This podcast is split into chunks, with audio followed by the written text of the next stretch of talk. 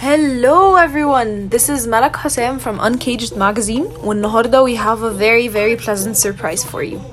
Our team decided إن مش كفاية علينا to take care of raising awareness with spreading news for the youth on our social media accounts website بس. قررنا إن it would be enjoyable if we talked about the most important topics to you for 30 minutes.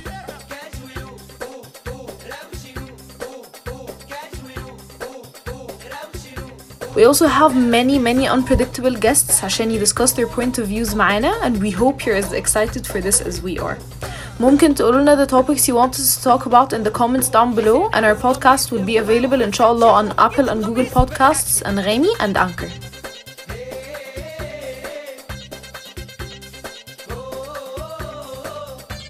Stay tuned for a new episode of Kajulu every two weeks starting May 25th with Malak Hussein powered by Uncaged Magazine.